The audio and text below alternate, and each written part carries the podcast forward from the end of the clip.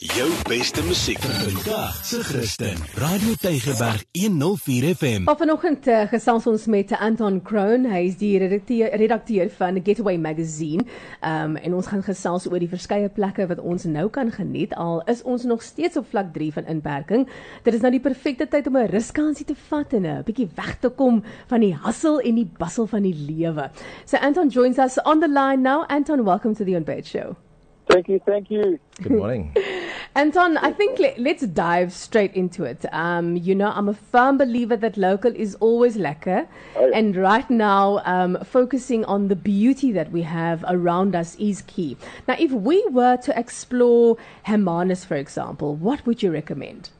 I'd recommend just going beyond Hermanus, just getting a bit deeper into nature. You know, e- even now, Hermanus can still be quite busy. And um, it's a wonderful place. But if you go 50 km further east along the coast, Mm. come across Walker Bay, Stellenbosch Conservancy, which is just beautiful. So obviously lots of Stellenbosch there, but it's also got wonderful beaches. Uh, the nature reserve there is remarkable. The beaches are completely empty. Um, also home to a, a cave called Klipgat Cave, where they've discovered archaeological finds that go back about 70,000 years Oh, to, to a time when the sea had actually receded and that ocean you look over now it was actually dry land all the way to um, to Huntsman. Um, So it was just remarkable. They found uh, bones of animals, particulars that don't exist anymore. They used to roam those plains. So you've got um, an historical side to it as well, which is remarkable. And uh, my, my favorite thing is actually the Fynbos there. It's staying at um, uh, a place like Farm 215 or Grootbos um, private nature reserve, which has got amazing specials on now. You know, horse riding in the Fynbos, learning about uh, the plant life there. It's really a remarkable place.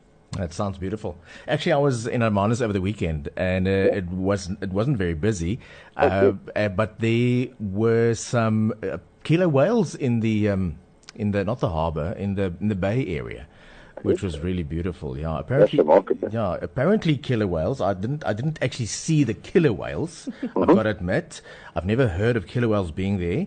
I'm not an expert, but somebody told me we got some killer whales here. So maybe he meant to say, "Hey, we got some killer whales, man." Like, oh as in- oh, yeah, like Bad whales. so maybe maybe I just completely misunderstood what he yeah, said. could be, could be. killing it, man.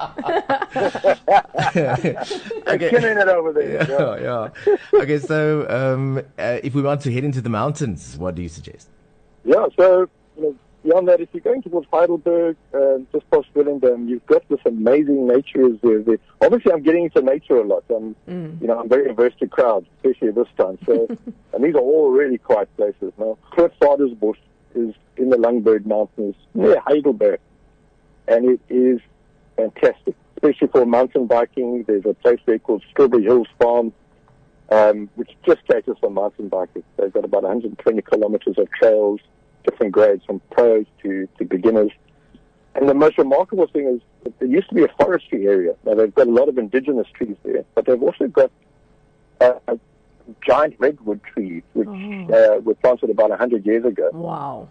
and some of these are over 40 meters tall. So, and it, it literally feels like you're walking in the redwood forest of California. It is out of this world.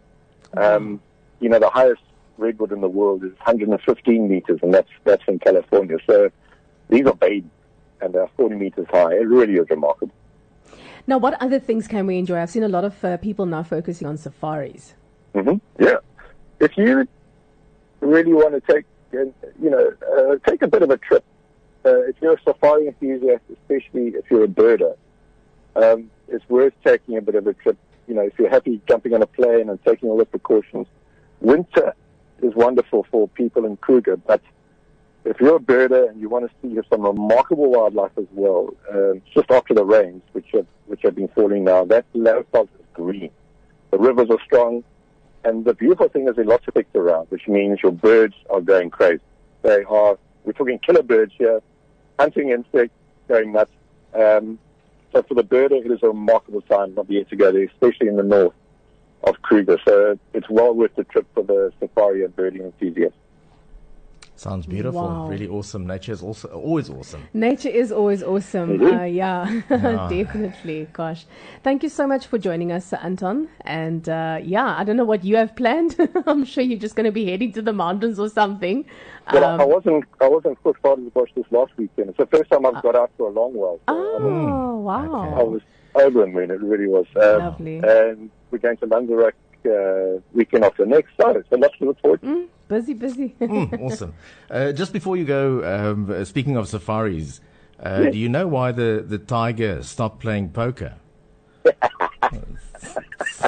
I knew you would do this. eh? Always does this. It's because all the other players were cheetahs. Oh my word!